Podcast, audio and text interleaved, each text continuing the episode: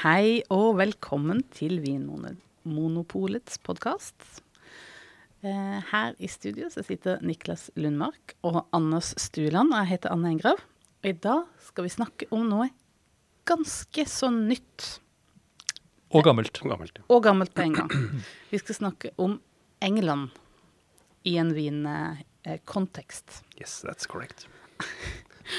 Og eh, da må vi kanskje begynne sånn som man pleier å begynne, liksom gå tilbake i tid, eller hva, hva syns dere? Hvordan skal vi angripe dette nye vinlandet? Ja, ja, ja fordi Når vi bestemte oss for at uh, vi skulle lage en episode om, om engelsk vin, så tenkte jeg ok, hva er det jeg vet om engelsk vin? Fint lite. Og så måtte jeg begynne liksom å, å lære meg litt, og da skjønte jeg at de har jo en kjempelang historie. Eh, så før vi liksom snakker om um, dagens eh, Vin-England, så er det kanskje greit å ta en liten snei innom historien. Og det er ikke bare uh, historie sånn med å produsere vin, men hvordan England, eller engelskmenn, har påvirket vinverden sånn som vi kjenner den i dag. Ja, for dette, eh, at England har en lang og stolt og innholdsrik eh, historie, det, det vet vi jo, har vi jo fått en følelse av i andre sammenhenger òg. Men at de skulle være et sånn land, altså en vinproduserende land tilbake i tid, det var litt nytt for meg. Mhm. Det var faktisk eh, helt ukjent for meg. For man tenker at dette er så marginalt, det ligger så langt nord at det, det er jo ingen som kan dyrke druer så langt nord. Nei, jeg så for meg at dette her var et sånt påfunn på øh, 70-tallet. Noen franskmenn som hadde vært på ferie i Frankrike for eksempel, eller Italia eller Spania. Og kom tilbake og fant ut at nå skal vi lage vin her. Engelskmenn som hadde vært på ferie. Ja. ja. Nå skal, og nå skal vi lage vin her hjemme. Og så satte de i gang da. Men det var jo ikke det som skjedde. Nei. Det var jo øh, romere, sannsynligvis, som kom til England. Eh, ikke, eh, ikke som turister, kanskje som turister også, eh, men de invaderte England. Eh, og, og da hadde med seg eh, vinplanter. Eh, romerne de, de, de skrev jo ned det at det var et vanskelig klima å dyrke vin. Historikeren Takitus han beskrev det som et krevende sted å dyrke vin. Ja, nettopp. Eller å lage, dyrke druer, da. Ja. Så vi vet jo egentlig ikke om hvor, hvor uh, suksessfullt det var. Vi vet at de dyrket druer, men om det var uh, hvor mye vin og hvor god den vinen var, det vet vi fint litt om. Men dere fortalte meg om en eh, vinplante som ble funnet ved en tilfeldighet, som vokste ved en gammel hytte. Hvis jeg ikke forstår ja. det. Som da har blitt eh, DNA-testa og ble funnet ut at det er faktisk en form for pinot noir. Ja, og Hvor gammel den planten var, det vet jeg ikke, men den ble funnet på en liten hytte eh, i et område som heter Rotham. Rotham? Ruttham. Eh, og det viser at det var da en, en pinot noir-klone, men det er da, den var veldig hardfør, og den, den har da eh, hårete blader. Uh, og er, som er veldig motstandsdyktig mot meldugg, annet, som er et sånn typisk problem i litt sånn fuktige områder. Og så modner den også litt tidligere enn uh, sånn vanlige pinot noir-kloner. Så perfekt egentlig for uh, det engelske klimaet. Og, så dette tyder jo altså da på at det er, som du var inne på, Anders, ikke et moderne påfunn, men noe de har holdt på med en stund. Men så Hvorfor fortsatte de ikke liksom, nei. det har liksom gått uh, opp og ned. Uh, og uh, ja, for eksempel i 1509, så da giftet jo Henrik den Nei, han giftet seg ikke, men han, han ble kronet. Eh, Henrik den 8. Mhm. Og da, eh, hadde, da skrev de ned en del ting. Annet at det var 139 vinmarker i England. Og 11 av disse vinmarkene de, eh, de var til for å lage vin til det engelske hoff. Hm. Så da, allerede på den tiden så var det da registrerte vinmarker. Eh, Så det var jo en blomstrende vinindustri. Som etter hvert fikk litt problemer, bl.a. med fyloxera som, eh, som kom. Eh, men før det så var det også da eh, svartedauden, som også Det har, de har jo hatt litt sånn bølgedaler. Da. Det er altså klart med eh, etter romerne, med invasjonen av anglerne og sakserne og sånn, og da var det jo bare kriging og elendighet. Og de hadde jo ikke tid eller kapasitet til å drive med vin. Men så ble det en økning i forhold til kristendommen det sjette århundret, da økte jo vinproduksjonen. Og så kom jo øh, vikingene. Og de øh, ødela jo alt av klostre og de som hadde kompetanse og kunnskap om, øh, om vinproduksjon. Så da fikk de jo et litt øh, tilbakefall. Og sånn har det gått litt fram og tilbake. Ja. Ja. Og de har jo til og med ødelagt litt for seg selv også. Eh, I 1860 så ble jo eh, avgiftene eh, på importert vin i England den ble satt ned med over 80% Og det var klart at det var jo et eh, virkelig skudd for baugen for engelsk vinproduksjon. For da lønte det seg mye mer å importere vin. Det ble billigere å kjøpe importert vin. da. I alle dager, hvorfor Ja. gjorde de det? Det er som å øke taxfree. Ja, det er veldig, veldig rart. Og så Men kan det ha vært lett og slett for lite vin i markedet? At de var avhengig av å få importert mer? Det kan jo være. ja. Det fikk de i hvert fall da. Ja. Og så kom hun, altså etter hvert så kom da første verdenskrig. Eh, og da eh, Det ble virkelig liksom det som skulle til for å liksom sette kroken på døra. Fordi da trengte engelskmennene dette jordbruksarealet til å dyrke mat istedenfor å dyrke druer eh, til vinproduksjon. Så etter det så var det var det ingenting igjen. Det var altså da første verdenskrig. Ja, og siden da har det vært ganske stille. Mm. Up until now. Ja, eller til i 1951-52. Okay. Da ble den egentlig første ordentlig kommersielle vingården etablert igjen. Hvor de eh, innførte litt sånne hybriddruer fra Tyskland. Mm. Müller-Thurgau og Sylva Blad, var det vel? Ja. uh, ja. Ja, Müller Thurgau, det regnes vel for å være en uh, ja, det er vel en vinifera. Vinifera. Eh, men Sauvignon Blanc er vel en, det er en Det er en fransk hybrid. ja. Mm. Og det er jo pussig, da. Også, eh, for Müller er jo da druen som er mest kjent for å bli brukt i f.eks. Lib fra Milch. Eh, altså den tyske, litt sånn søtlige vinstilen som egentlig var i ferd med å ta knekken på tysk vinindustri, eh, sånn på 80-tallet. Men det var jo det da engelskmennene gjerne ville lage Ja, for det, når de satte satt, i gang på 50-60-tallet. tok knekken på tysk vin på den måten at det ødela merkevaren fordi det var lav kvalitet, Nettopp. lav pris, Ja. høyt volum. Men det var jo da også viner som var veldig populære i England på 50- og 60-tallet. Det var en sånn rask løsning. Ja. Ikke så gjennomtenkt, kanskje. Det var ikke noen sånn merkevarestrategi bak dette. Men jeg kan tenke meg at her sitter det folk eh, og, og tenker at ok, vi må være litt sånn trygge på at eh, druene blir modne. Eh, så da må vi velge den typen druer. Vi må også være sikre på at vi får solgt vinen. Eh, så da bruker vi druer som er liksom eller altså, som blir brukt i vin som vi vet selger mye i England. Det er ikke alltid så lurt å tenke på den måten. Egentlig. Nei, hvordan, Hvis du skulle gå tilbake til 50-tallet til disse engelske vinbøndene, hva vil du råda de til å ha gjort da? egentlig? Jeg har tatt en sånn tidsmaskin. Ja, Ja. Eh, nei, da hadde jeg jo kanskje Fordi altså, allerede da i 1950 så hadde de jo da funnet denne vinplanten som var eh, oppe på i Rut, Rutham, Mm. som det viser å være en pinot noir-klone. Hvis de hadde tatt det litt mer på alvor, istedenfor å se på hva som var liksom populær vin fra Tyskland, og heller liksom se hva er det vi har her, og liksom dyrket den pinot noiren der eh, videre, det ville jeg sagt. Gjør heller det. Mm. Kanskje det hadde uh, gått litt raskere, dette her med å gjeninnføre den engelske vinproduksjonen, da. Mm. Men det er jo, det er jo kjølig. Det er jo det. Og det var helt sikkert, uh, uten at jeg har fulgt så veldig med på uh, britiske temperaturendringer, så vil jeg jo tro at 1950 så var det kanskje til og med litt annerledes enn det det er i dag. Så England har jo fått god hjelp av klimaendringene, da. Ja, og det er kjølig i England, absolutt. Og jeg har bodd et år i England, og det var også veldig fuktig. Mm. Eh, noe som ikke er så heldig, i hvert fall ikke eh, i det druene har skifta farve eller er i ferd med å bli modne. Da er det mye problem med råte, Mm. Mm. hvis det er veldig fuktig.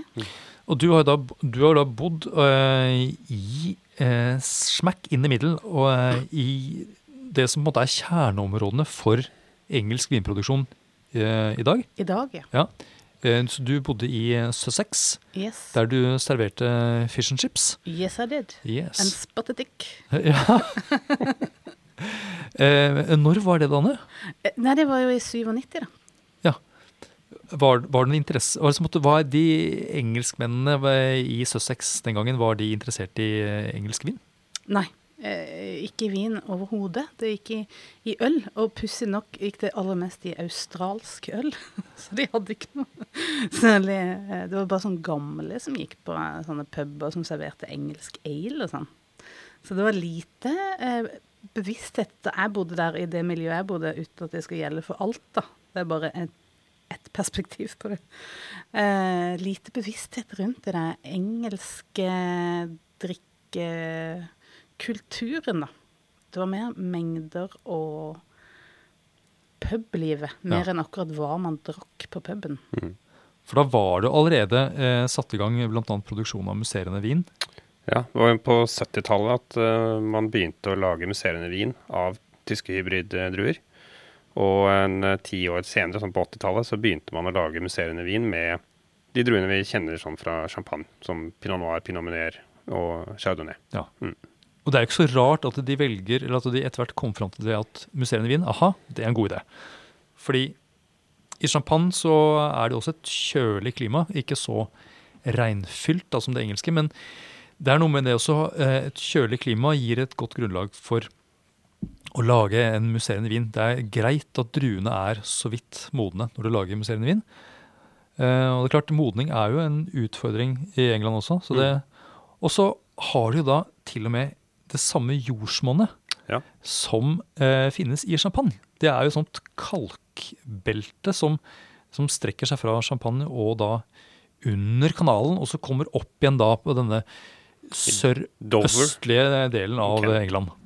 Du, kan, du har sikkert sett britisk krim, og der kan du se disse kalkklippene i Dover. Uh, som, uh, det er jo flere titalls meter med kalk i grunnen.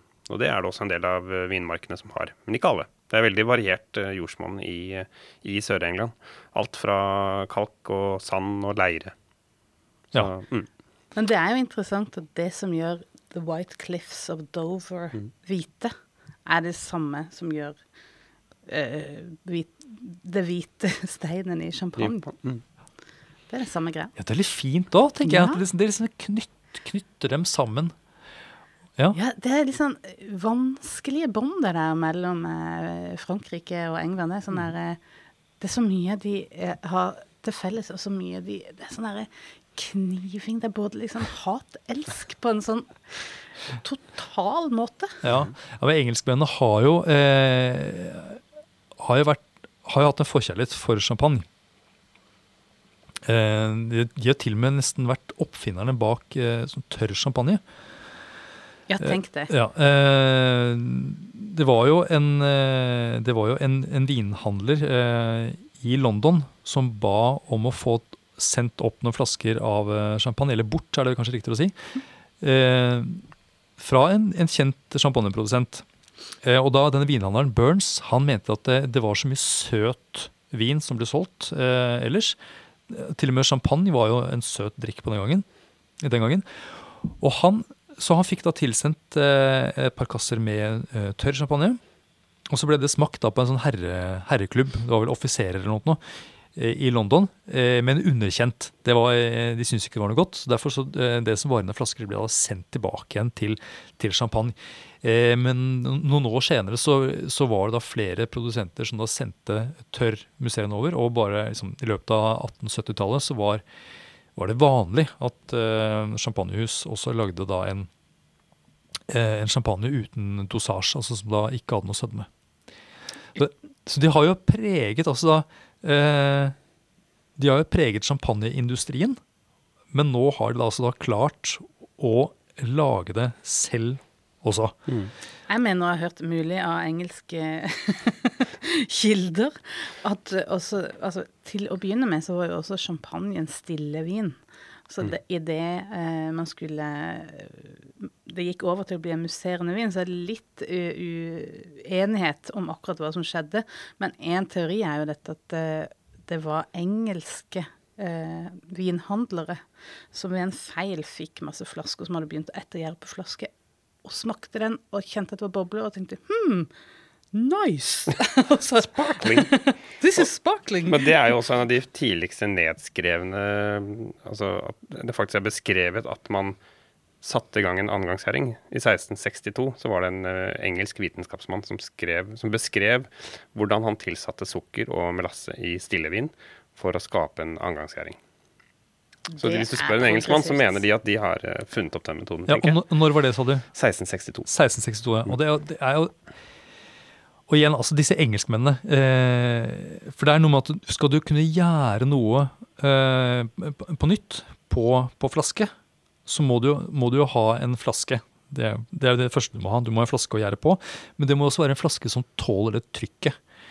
Og engelskmennene har jo også vært langt framme eh, når det gjelder eh, glassproduksjon. Eh, eh, King James, han var jo drita lei glass av tre i 1615. Altså serveringsglass? Serveringsglass, ja. Nettopp. Altså det man, man kalte det antageligvis ikke glass den gangen, men altså drikkebegre eh, før 1615 i England, det var laget av tre. Og han bestemte da at eh, det var forbudt å lage glass av tre fordi de skulle skåne da de engelske skogene. Og da, klart, da måtte de jo sette i gang en glassindustri Eh, og da skjedde jo utviklingen raskt, og da mm. etter hvert så fikk de da liksom mer bly i glasset, f.eks., som gjorde at glasset ble sterkere. Eh, men også, det var vel også bruk av koks og sånt under produksjonen som gjorde at de fikk en bedre glasskvalitet enn det man fikk ellers i Europa. Så de hadde da, altså Engelskmennene klarte å lage gode glassflasker som gjorde det mulig å gjære på, på flaske, men mm. også det at du fikk eh, glassflasker, gjorde det mulig å du kunne ha vinen i kjelleren din. Mm. Du burde ikke ha et fat, altså du fikk ikke importert et fat, og så måtte du drikke opp dette fatet eh, kjapt. Du kunne kjøpe vinen din, eh, inn, eh, få det fraktet da til Slottet, og legge det ned i kjelleren. Og Der kunne flaskene ligge. Og etter hvert så oppdaget man da at mm, dette her smaker godt etter hvert som det blir gammelt. Så engelskmennene de har jo også vært med på å oppdage flaskelagret mm. vin. Det er raffinert. Det vil jeg si. De, de har stått for mye videre utvikling av en, vinkultur eh, som allerede eksisterte. Ja. Nå, snak, jeg følte at nå snakket vi oss helt bort fra dagens England. ja, jo, på en måte. Men jeg syns jo det er interessant det, å, å, se hvor eh, stor del England har tatt i vinverden. Eh, vi kan jo fortsette ørlite grann bare med å forstå eh, hvor viktig vin egentlig har vært i England eh, like lenge som andre steder. på en måte Vinproduserende steder. Fordi eh, de har hatt et, en etterspørsel etter det. Eh, Bordeaux, f.eks. Mm. Hva hadde Bordeaux vært uten England? Det hadde kanskje bare vært myr. Et, en myr. Myrlandskap. Eh, med noen sånne messehaller, kanskje. Der det på en måte var tyskere, nederlendere og engelskmenn som gikk på sånn Eller industriområdet. Kjøkken, kjøkkenmesse eller et eller annet. Uh, ja. ja, kan du utdype litt? Nei, for det var jo et, det var jo et myrlandskap. Uh, men det var jo selvfølgelig det var noe, vinproduksjon også. Men de var jo nærheten til sjøen som gjorde det lett å uh, Det var kort vei fra vinmarkene til, til de engelske skipene som kunne legge til. Og så kunne da ta med vin over til, til England, til det engelske markedet. Eh, og engelskmennene ville jo ha eh, mye vin, og det fikk de da fra Bordeaux.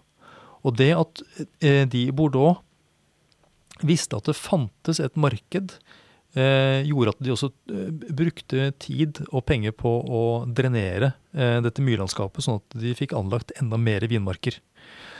Ja. Og så passer det jo veldig godt med at de satte ned disse her skattene i 1860. Da var jo liksom Bordeaux fikk en skikkelig boost, da. Mm. Og så var den helt sikkert, var sikkert veldig god vin òg. Sikkert. Ja. Forhold til den uh, lokale vinen. Ja, og mm. det var til og med altså, eh, Så viktig var det engelske markedet at, um, at det var eh, engelske, engelske altså Nei, jeg mener eh, slott fra Bordeaux som hadde egne taverner i London der de serverte vin. da. Eh, og det var en greve som het Arnaud de Pontac som på 1600-tallet hadde en sånn taverna i, i London.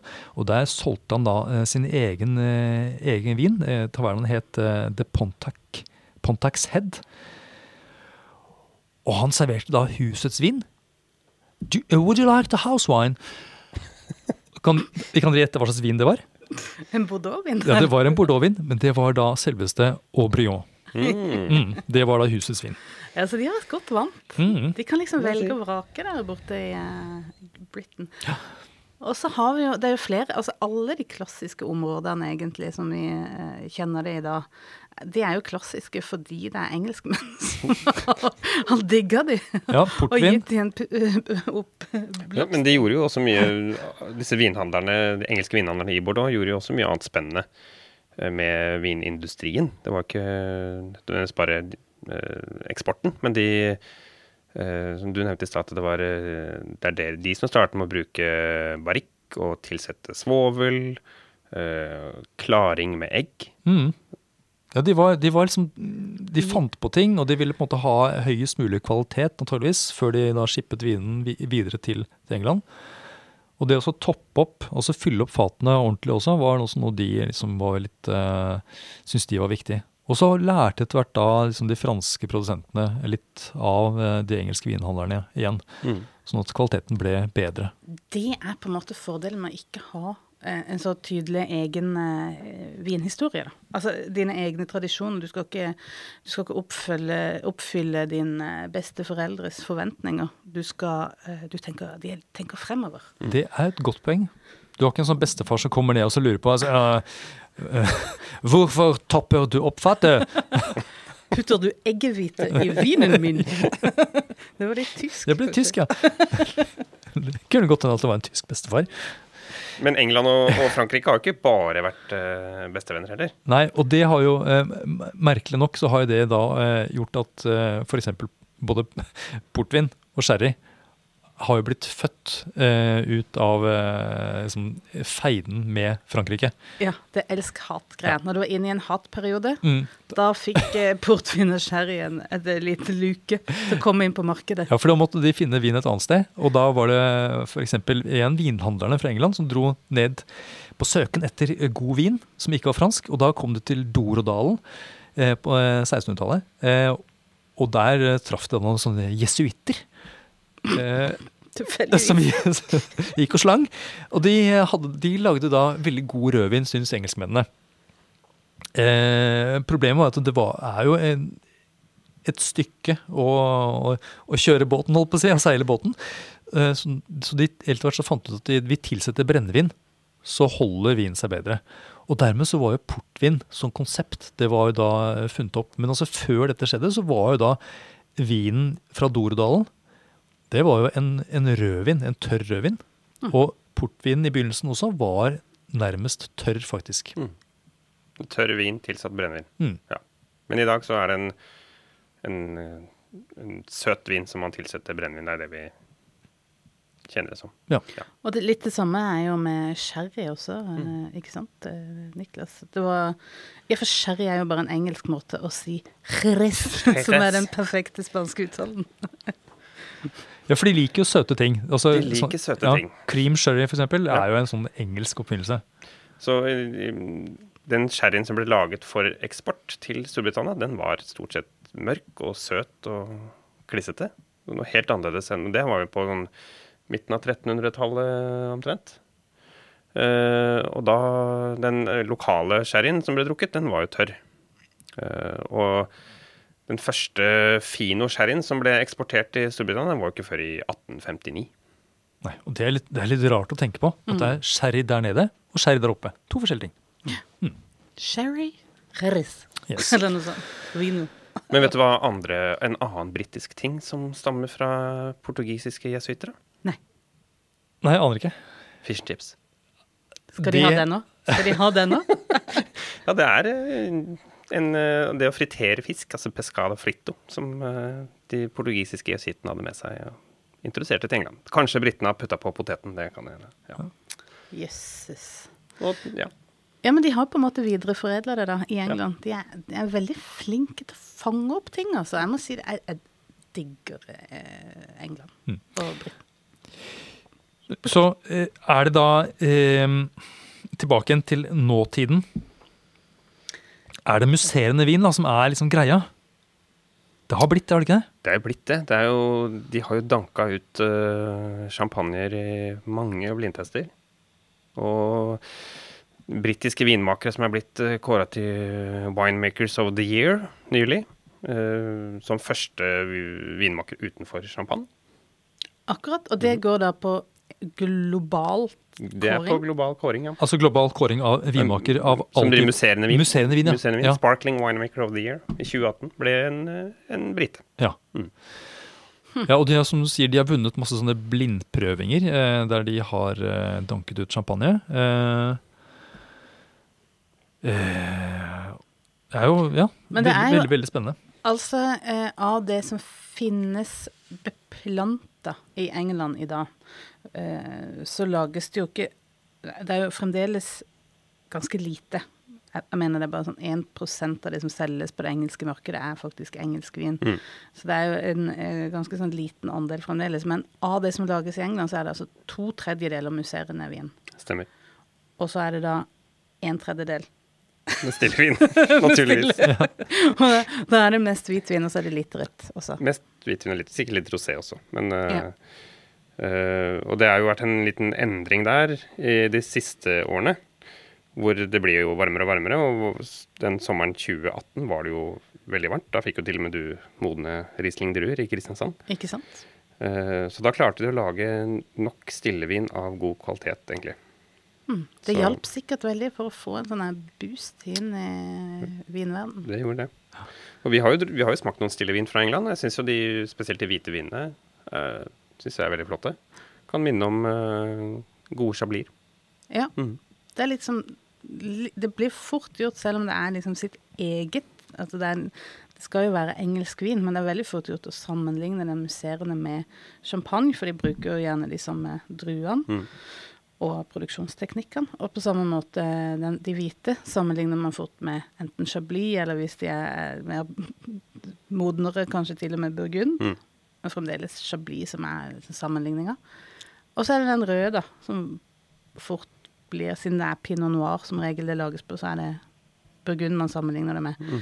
Det er nesten litt sånn urettferdig, for det, det, er jo eh, andre forhold fremdeles. Og de burde kanskje vært eh, tydeligere på å lage sin egen identitet. Ja, men det har de. Har de det? Ja. For det som jeg har, jeg har, sjekket litt opp om England, og det jeg leste av uh, anmeldelser av 2018-årgangen, så er det det som blir trukket fram som litt sånn flaggskipvin, det er uh, hvitvin på druen Bacchus. Hm. Interessant. Og det er liksom litt det er jo litt en, Det er en sånn hybriddrue. Det er en blanding av uh, Müller Turga og Riesling og Silvaner. Mm. Som ble funnet opp på 30-tallet i Tyskland.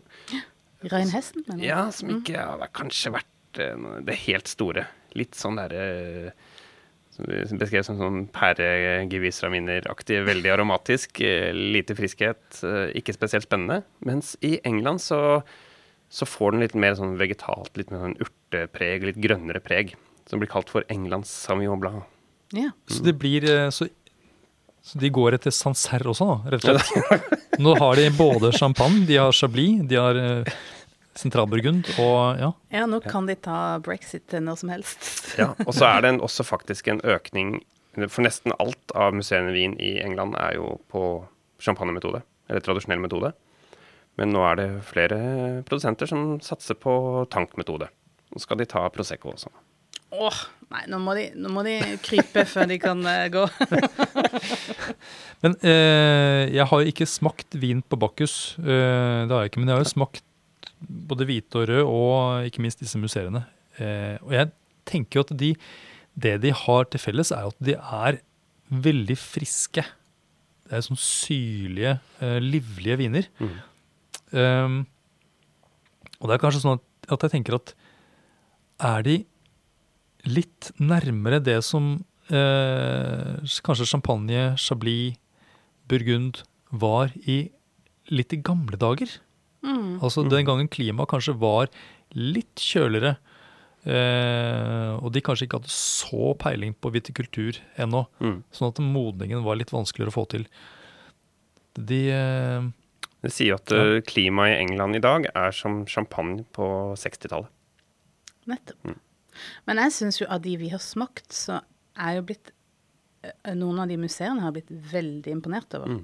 Og jeg tenker at det er liksom Enn så lenge, basert på min lille erfaring, så virker jo det som det er det mest vellykka. Jeg skjønner hvorfor det er mest av det. Der er det jo eh, der virker de, viser de seg jo fram fra sin beste side. Det er nesten sånn at jeg tenker at de er eh, enda mer presise i, eh, i, uttrykket enn det en del champagne er. Um, de er syrligere, og de har mer at det er litt sånn topptone. Det er litt sånn Nesten med sånn, nesten mer preg av sånn nyskjært frukt, i tillegg til det et sånt fint autolysepreg som går i retning av det der sånn sopp- og kjeksaktige.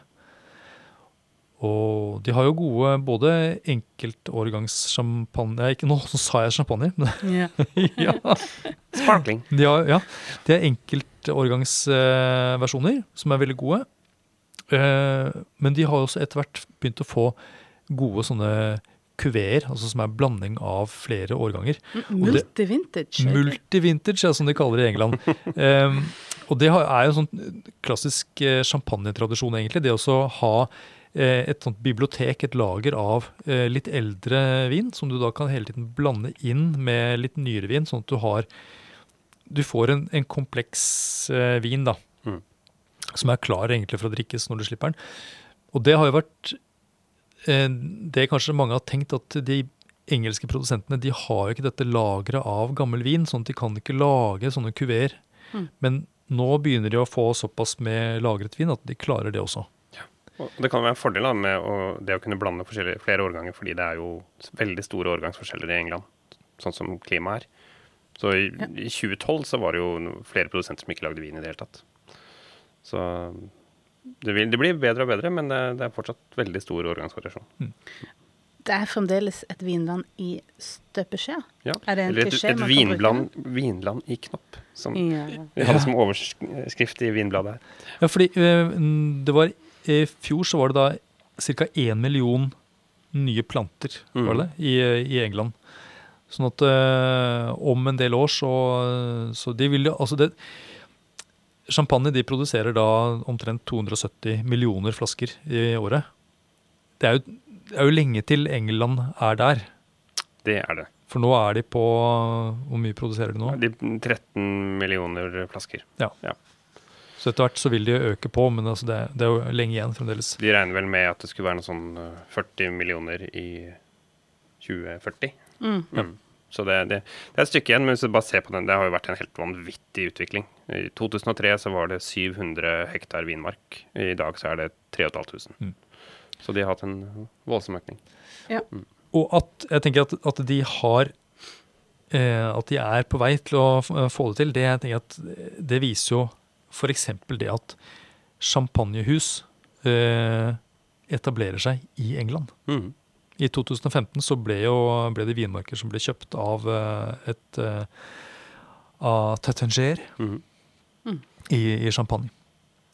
Det er, et, eh, det er, et, tegn på at de blir tatt når de, når de blir tatt alvorlig av franskmennene. Da er det og, og Vi ser også det at både golfbaner og eplehager som har brukt til siderproduksjon, det blir røsket opp. og det lages vinmarker i stor skala. Mm. Det er jeg helt for, faktisk.